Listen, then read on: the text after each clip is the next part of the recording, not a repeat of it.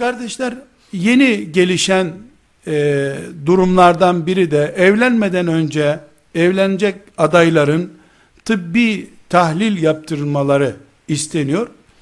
E, bu tahlilin yapılmasında nişanlılık döneminde olan bu tahlilin yapılmasında e, bir sakınca yoktur. Tahlil sonuçlarına göre de taraflardan birinin bu benim e, anladığım bir şey değil ya da memnun olacağım bir şey değil ben gidiyorum demesinde de sakınca yoktur. Zaten kız ve erkek tarafı eğer mevcut bildikleri sıkıntılarından, hastalıklarından birini gizlerse bu evliliği öbür tarafın iptal etme hakkını doğurur. Mesela erkeğin çocuğu olmayacağını belli bir ameliyat geçirdiğinden veya genetik olarak o akrabalarda gelen bir sorundan dolayı çocuk olmaz bir erkek olduğunu bildiği halde. Kalkar bir kızla evlenir de kız da bunu evlendikten sonra e, anlarsa ki bu eşimden benim çocuğum olmaz ve bunu biliyordu bu adam. Filan ameliyatı olmuştu.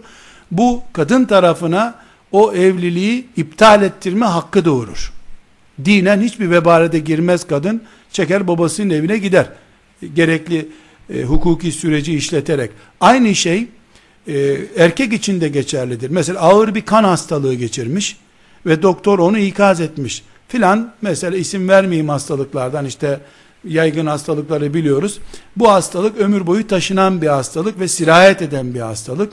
Veyahut da işte çocuk yaratılmasına engel bir hastalık ya da mesela evlendikten bir sene sonra yatağa düşürecek, evliliği kaldırmayacak bir hastalık, filan kan hastalığı, filan romatolojik sıkıntı. Bu tip gizlenmiş hastalıklar erkeğe de otomatik olarak nikahı iptal ettirip mehrini geri alma hakkı doğurur. Çünkü evlilik bir akittir. İnsanlar akitlerde verdikleri sözlerin esiridirler. Bilmediğimiz halde Ummadığımız bir hastalık karşımıza çıktı. Başımızın gözümün üstünde Allah'tan hoş geldi, safa geldi. Ona bir diyeceğimiz yok. Ama 10 sene kanser tedavisi gör.